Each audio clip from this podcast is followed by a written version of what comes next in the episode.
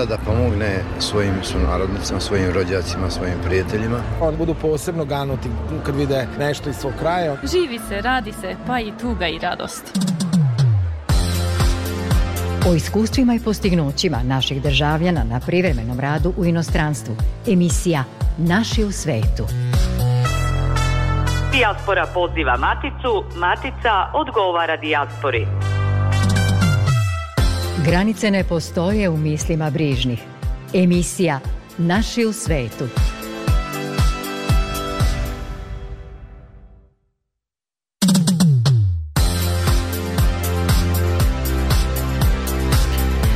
Dobroveče, poštovani slušalci. Ako je sudeći po velikim gužvama na graničnim prelazima pri izlasku iz zemlje, mnogi su praznične dane iskoristili da otputuju iz Srbije i posete svoje najmilije van granica.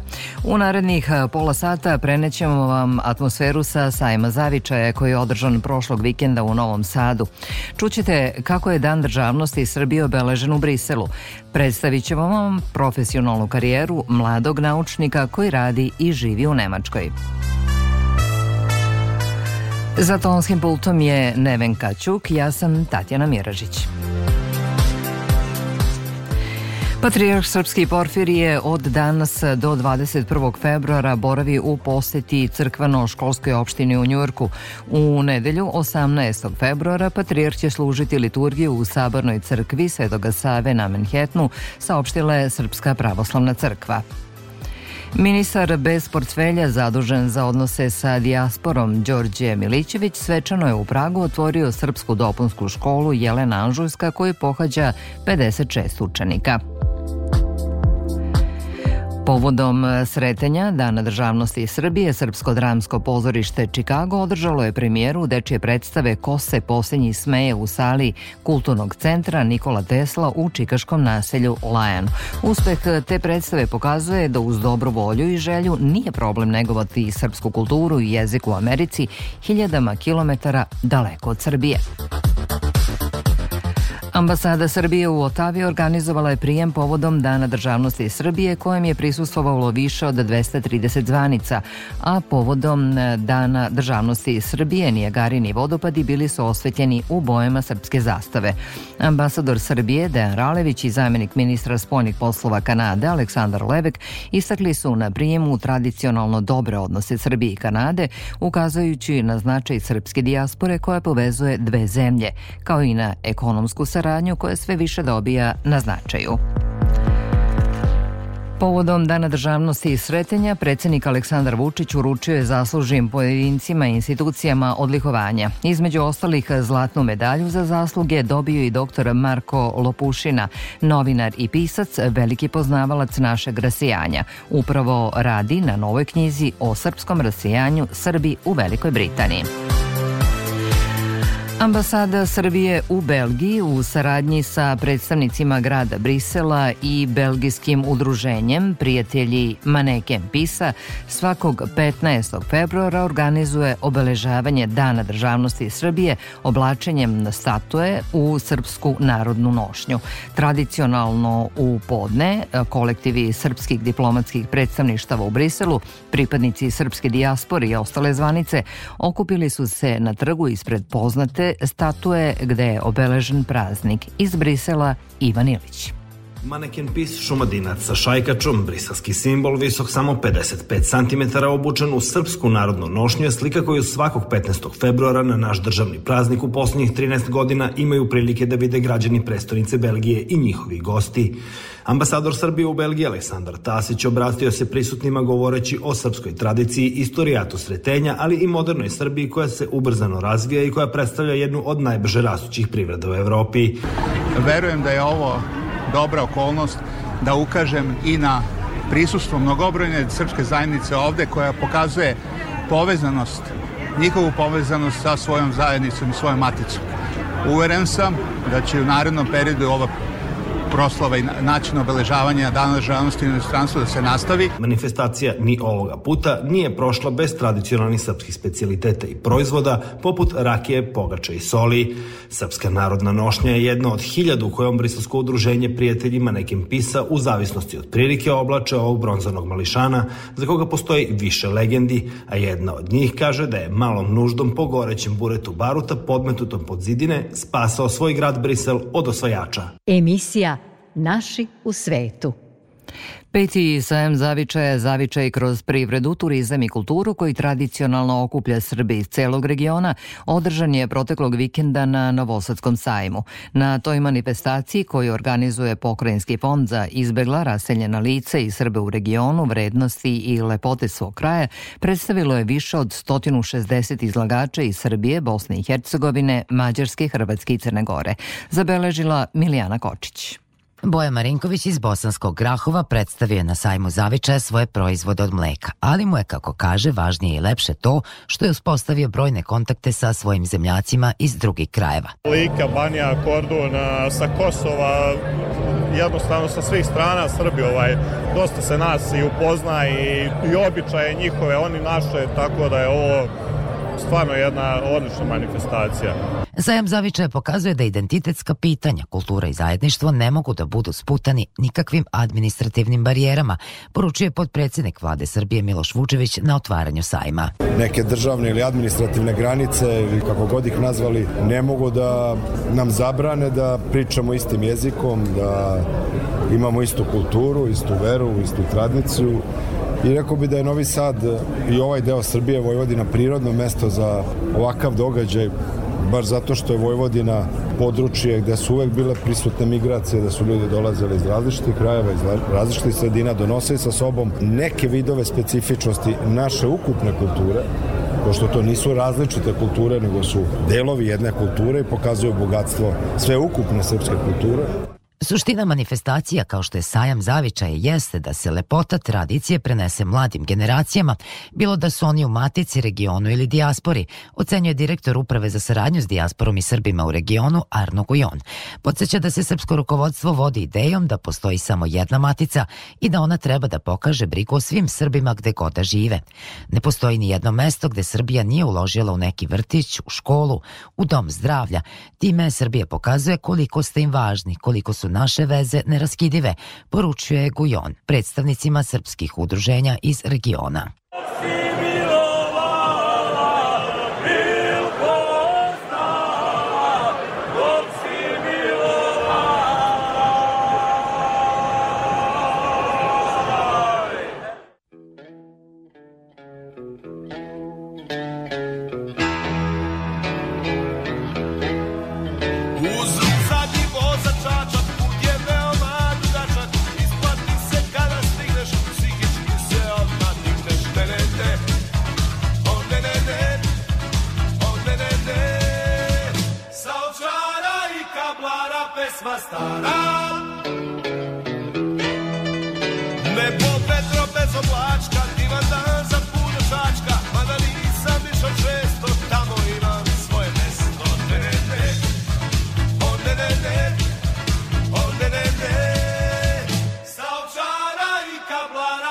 नमस्तारा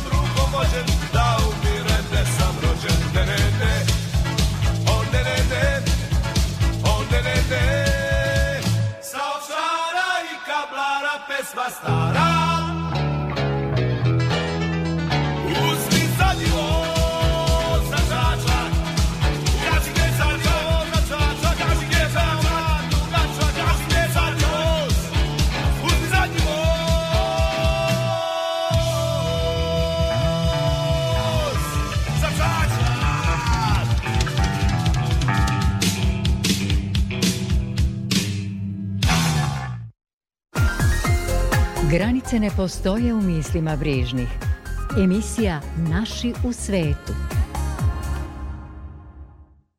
Moj sagovornik je Dragan Jeftić koji živi u Berlinu, a radi u menadžmentu Bajera kao ekspert koji se bavi reformama EU regulative u oblastima koje se tiču upravljanja hemijskim substancama kao što su pesticidi i farmaceutski proizvodi. U Novom Sadu završio je osnovne i master studije ekologije na Prirodno-matematičkom fakultetu gde je bio uključen u projekte vezane za zaštitu životne sredine. Dobroveče. Dobroveče i hvala na pozivu. Kako ste se zainteresovali za nauku i zaštitu životne sredine?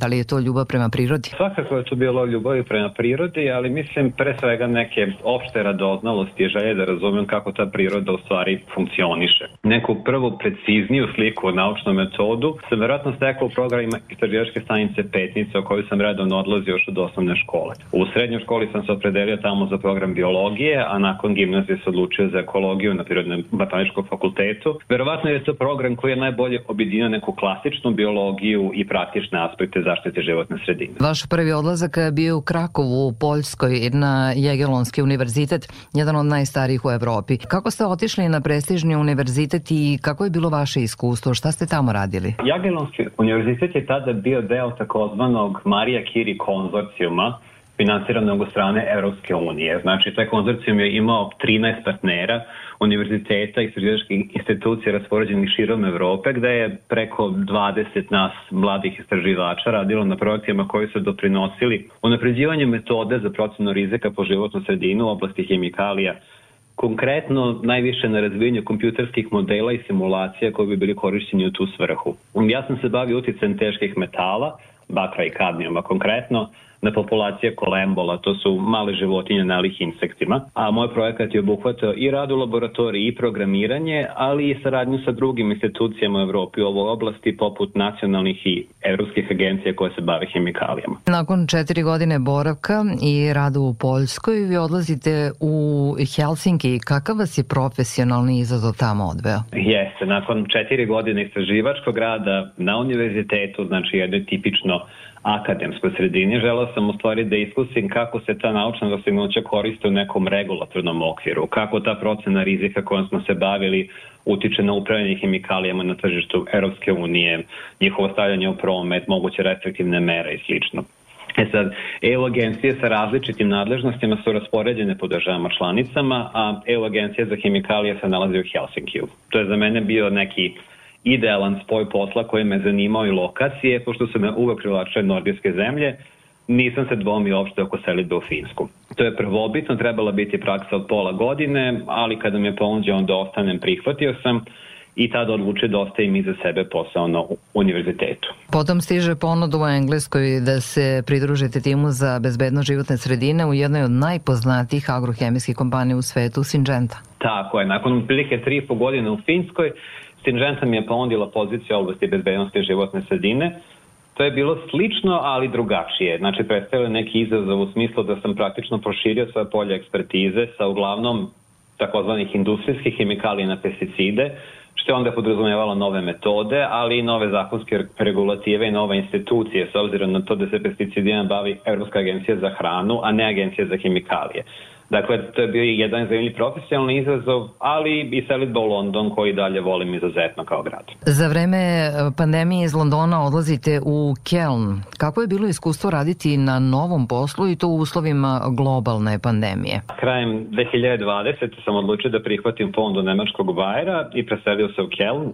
Definitivno to nije bilo najbolje vreme za selitbu jer već Londonu se imao prilično strog režim zbog pandemije tokom celog proleća i leta, kada je Nemačka stajala dosta dobro po tom pitanju. Međutim, Nemačka je uvela strogi režim praktično odmah nakon što sam se ja tamo preselio. Sad u smislu novog posla to je značilo da sam u principu radio od kuće i stalno bio sam, i da mesecima nisam upoznao ni nikoga od kolega uživo, ni nove ljude, niti imao priliku da zaista upoznam i otkrijem Keln što je verovatno uticalo da se relativno brzo nakon oko godinu dana kasnije preselim iz Kelna u Berlin. Sada ste u Bayeru, internacionalnoj kompaniji širokog obima poslovanja, između ostalog u oblastima farmacije i poljoprivrede. Na poziciji ste eksperta i bavite se reformama EU regulative u oblastima koje se tiču upravljanja hemijskim substancama kao što su pesticidi i farmaceutski proizvodi.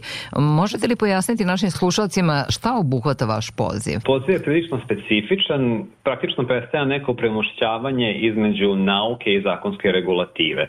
Pošto se u EU zakoni o upravljanju hemijskim substancama velikim delom osleju na nauku, ali s druge strane ljudi koji predlažu i usvajaju zakone nisu uvek usko specializovani. Znači put do finalnih nacrta takvih zakona je dug, i obuhvata analiza trenutnih naučnih dostignuća, potreba društva i mnogobrojne konsultacije i sastanke sa zakonodavcima, EU institucijama, vladama država članica, nevladinim organizacijama.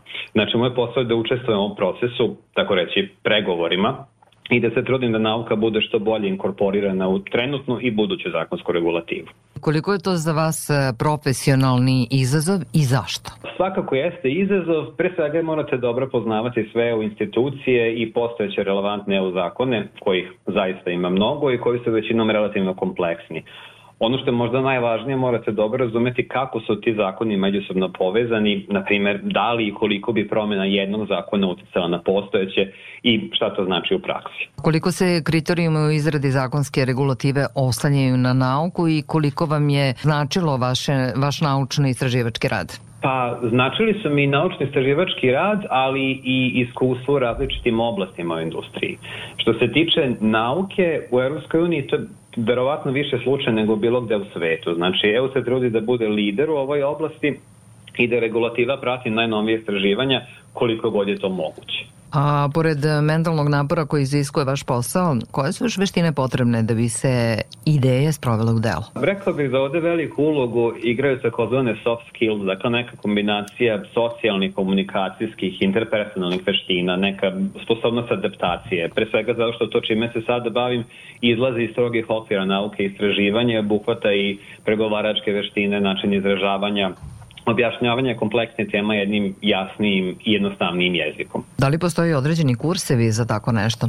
Postoje, koliko su u praksi korisni, to mislim da jako zavisi od toga koji kurs uzmete, ali u mom slučaju mislim da je iskustvo i rad sa, sa različitim učesnicima u ovom procesu odigralo najvažniju ulogu. Veliki deo vašeg naučno-istraživačkog rada posvetili ste pesticidima. Kakav je istraživački put, naučno ispitivanje i kada se pesticid može plasirati na tržištu sa vašeg aspekta? Taj istraživački put je prilično dug. Znači, od otkrića neke substance dostavljane na tržište vrlo lako može proći više od decenije. S jedne strane morate imati substancu koja će biti efikasna u zaštiti useva, na primer, a sa druge strane ta substanca mora biti bezbedna i po ljude i po životnu sredinu. Znači, ovde je najvažnije napomenuti da pesticidi uvek prolaze izuzetno rigorozne kontrole pre plasiranja na tržište. Da svaka kompanija tokom razvoja svojih proizvoda sprovodi veliki broj testova u strogo propisanim i kontrolisanim uslovima.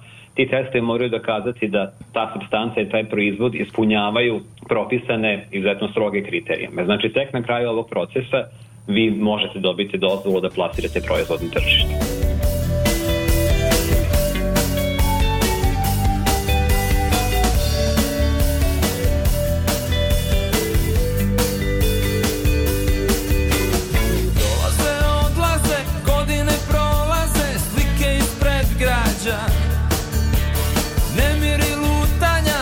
Slatka šaputanja, sećanja pred građa. Mnoge sam ljubavi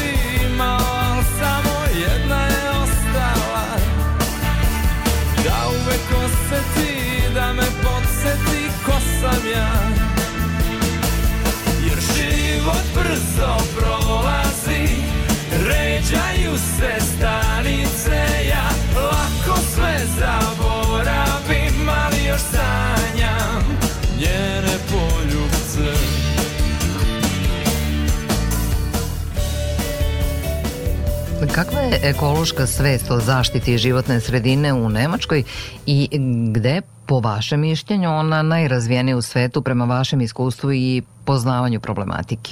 Ne znam da li mogu reći da je najrazvijenija u svetu. Svako mogu da vam dam neki utisak o državama u kojima sam ja živeo. Znači za Nemačku bih rekao da je svest o životnoj sredini prilično razvijena. To se vidi i po ponašanju građana, ali i po relevantnim propisima koji se, na primjer, bave zaštitom prirode, prečišćavanjem otpadnih voda, reciklažom otpada i tako dalje. Ali od država u kojima sam živeo, rekao bih da u skladu sa prirodom najviše žive Finci. Kolega mi je baš e, ispričao, on je bio u Finskoj 90. godina, da je tada bilo zabranjeno prskanje komaraca. Kako je sada situacija u Finskoj, da li znate? Pazite, prskanje komaraca je zabranjeno generalno u većini država. Znači, to nije, nije jedinstven slučaj. Tako da da, jeste zabranjeno prskanje komaraca, zaista. Da, to zagađuje životnu sredinu. Svakako ima efekta, da. Poznato je da je Finska jedna od najsrećnijih zemalja na svetu i oko 70% teritorije Finske je prekriveno šumom i Finsku zovu zemljom sa hiljadu jezera. Živeli ste neko vreme u Finskoj, u Helsinkiju, kakve utiske nosite o toj zemlji i ljudima? Zaista jeste zemlja hiljadu jezera. Ono što je jedinstveno je da su čak i veliki gradovi na neki način ušuškani u prirodu. Šira zona Helsinki ima oko milion stanovnika, ali teško da ćete prošetati kilometar ili dva bez da prođete šumu, jezero, more.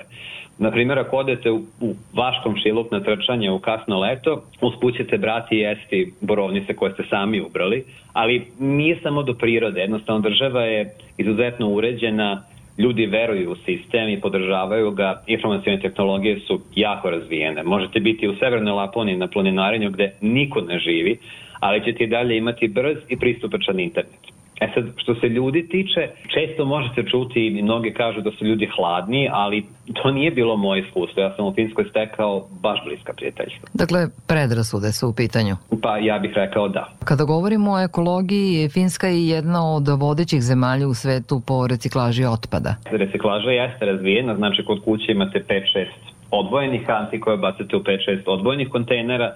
Mislim da je dovoljno reći da grad veličine Helsinkija nema deponiju. Znači ne postoji deponija. Istorijska deponija je danas pretvorena u park. Kažu najsrećniji ljudi na svetu su Finci, jedni od najsrećnijih. Da li se zaista taj osmeh i taj optimizam vidi na licima ljudi? To zavisi od vašeg pogleda na svet.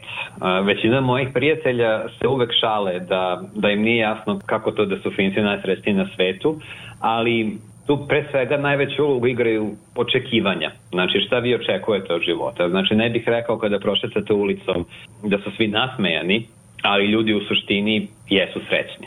I to se oseti. I to se oseti, da.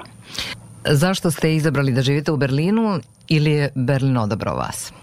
Pa, rekao bih, i ja sam izabrao i Berlin odabrao mene. Znači, danas moja kancelarija je dalje blizu Kelna, ali sam ja sam odabrao da se preselim u Berlin, kao što sam rekao ranije. Ima tu više faktora. Možda posle života u Londonu mi je trebao još jedan kosmopolitski grad. Možda Kelm, koji nije tako mali, isto ima oko milijon stanovnika, ostao neki čudan utisak, možda pogrešan utisak, jer sam tamo bio najvećim delom tokom pandemije. A pored toga u Berlinu sam već imao dosta prijatelja, a i vrlo lako i vrlo brzo sam se, sam se integrisao. U svakom slučaju, mislim da to je bila prava odluka jer Berlin je zaista jedinstven i ima mnogo toga da ponudi. Kako je druženje, koliko ima mladih ljudi koji su isto neko svoje mesto i svoju karijeru upravo pronašli u Nemačkoj, u Berlinu i generalno u Nemačkoj? Generalno Berlin u poslednje vreme je, ima sve više i više neku međunarodnu atmosferu. Ima jako mnogo ljudi koji nisu Nemci koja je karijera dovela u, u Berlin i to se vidi. Na primjer u Berlinu možete komotno živeti sa engleskim bez nekog detaljnog znanja nemačkog. Otprilike oko pola mojih komšija u zgradi nisu Nemci, i ta međunarodna atmosfera isto doprinose duhu grada. Postoji još e, jedna predrasuda o kojoj se govori, pa tamo se radi po ceo dan.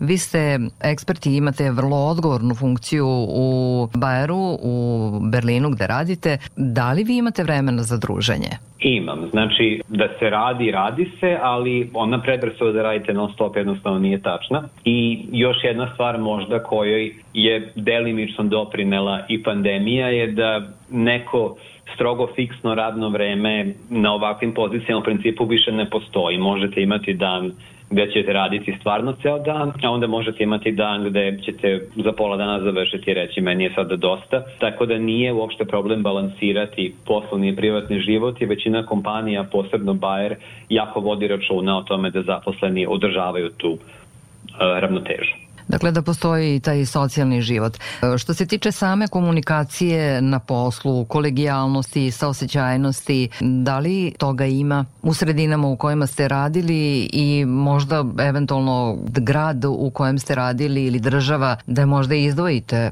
ili nema razlike? Mislim da to zavisi od toga gde radite. Što se tiče kolegijalnosti i podrške, ja sam je stvarno imao svuda. I u Poljskoj, i u Finskoj, i u Engleskoj, i u Nemačkoj. Znači, ne bi generalizovao da postoji neko mesto gde je ovo izraženije, a svakako u mom slučaju nije postojalo mesto gde te kolegijalnosti i podrške nema. Pretpostavljam da vam je i to jedan od ciljeva da upravo takvu atmosferu negujete među svojim kolegama. Jeste, svakako. Koja je vaša omiljena destinacija za odmor i zašto? Možda pre nego što odgovorim da kažem da što se prirode tiče, izuzetno volim pustinske predele, što možda mnogima može biti neobičajno. Svakako dosta putujem i poslovno i privatno, ali deo sveta koji se stalno vraćam je jugozapadni SAD. I to uglavnom savezne države Arizona i Utah koje nisu baš poznate kao turističke destinacije, jer volim da živim u velikom gradu, ali što se odmora tiče, volim velika i, i prazna prostranstva, znači pričamo o pustinjama, kanjonima i tako dalje. Znači neki aktivan odmor u ovim predelima uz planinarenje, vožnju bicikla, neko kampovanje u divljini i to često bez telefonskog signala interneta me zaista najviše opušta. Da li često dolazite u Srbiju? Dolazim nekoliko puta godišnje, da. Mm, Pretpostavljam da tu imate i porodicu i prijatelje sa kojim provodite vreme. Jeste, znači obavezno koliko stignem da sa familijom i prijateljima provedem vreme koliko mogu to uvek radim. Da demantujemo sve one koji misle da nemate vremena za druženje. Vama je već uplanirano gde ćete provesti naredni vikend.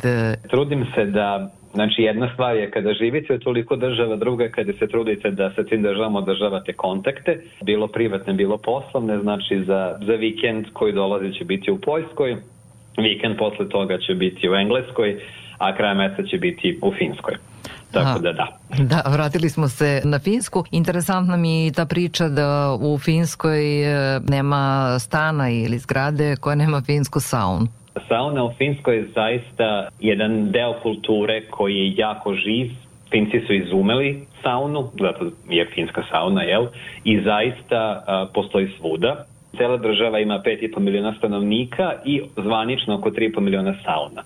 Znači, saunu ćete imati, ako ne u svom stanu, svakako u svojoj zgradi i to je jedan deo kulture koji isto podrazumeva druženje bez obzira na godišnje doba. Ako je, ako je zima iskakaćete, ako ste u sauni uz more u, u, u rupu u zaleđenom moru, ako je leto uskakaćete u jezero. Jedan deo kulture koji se meni isto jako, jako sviđa. Pretpostavljam da ste proširili upravo tu mrežu prijateljstva, da su ti neki poslovni kontakti prerasli u prijateljstva i da sad idete u Finsku kod nekih prijatelja.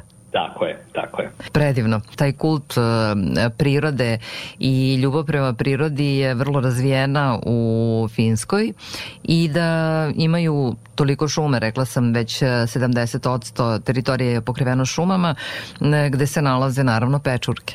Tako je, znači to je jedna od omiljenih jesenjih aktivnosti da ljudi odlaze zajedno da beru pečurke. To je ne, još jedan neizostavni deo redovnih aktivnosti. Šta bi bila vaša poruka mladim ljudima koji žele da krenu u svet i da okušaju svoju sreću i svoj uspeh negde u inostranstvu? Ja bih rekao najviše da se ne treba plašiti i iskoristiti priliku. Znači nekad se može činiti da je nešto jako veliki korak ako se selite u drugu državu, ako, ako menjate posao, ali na kraju prilagodit ćete se. Znači ja bih rekao da prilika koja se ukaže treba iskoristiti. Vi ste očigledno sve svoje prilike iskoristili i želim vam da tako bude i u narednom periodu. Šta biste eventualno dodali za kraj našeg razgovora? Drago mi je što ste me pozvali i nadam se da će biti zanimljivo vašim slušalcima da čuju moj možda ne toliko standardni put. Da, i izuzetno inspirativno. Hvala vam najlepše. Hvala vama. Emisija Naši u svetu. Bilo je to sve u večerašnjoj emisiji Naši u svetu, koju odloženo možete pratiti na internet stranici rtv.rs. Možete se informisati putem Facebook stranice Naši u svetu RTV. Budite sa nama i sledećeg petka u istom terminu kada ćete čuti nove priče iz dijaspore i matice. Hvala na pažnji.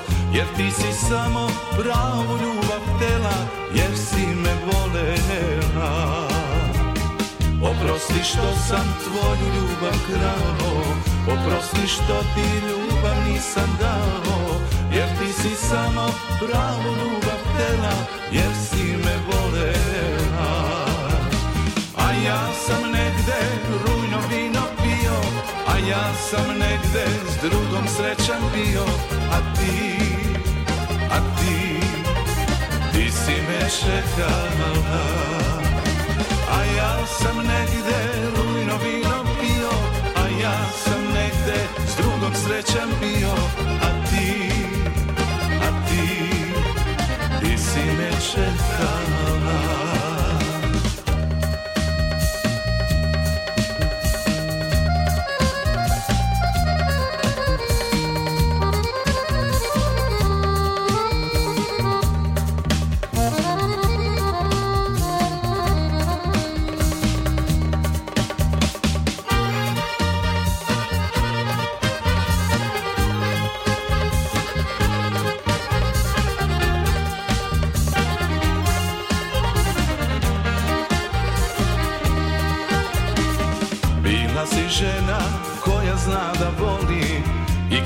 plače i kad suza boli Bila si žena koja zna da čeka voljenog čoveka. Bila si žena koja zna da voli I kada plače i kad suza boli Bila si žena koja zna da čeka voljenog čoveka. A ja sam negde rujno vino ja sam negde s drugom srećan bio A ti, a ti, ti si me čekala.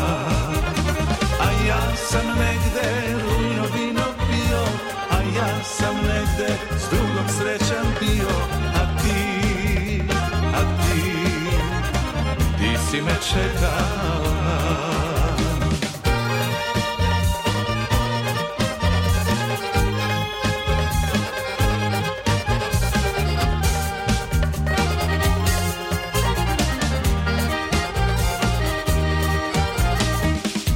prošle dane uspomena bledi. Možda se kajem šta to sada vredi. Nekad me boli tvoja suza vrela Jer si me volela. Na prošle dane uspomena bledi Možda se kajem šta to sada vredi. Nekad me boli tvoja suza vrela Jer si me volela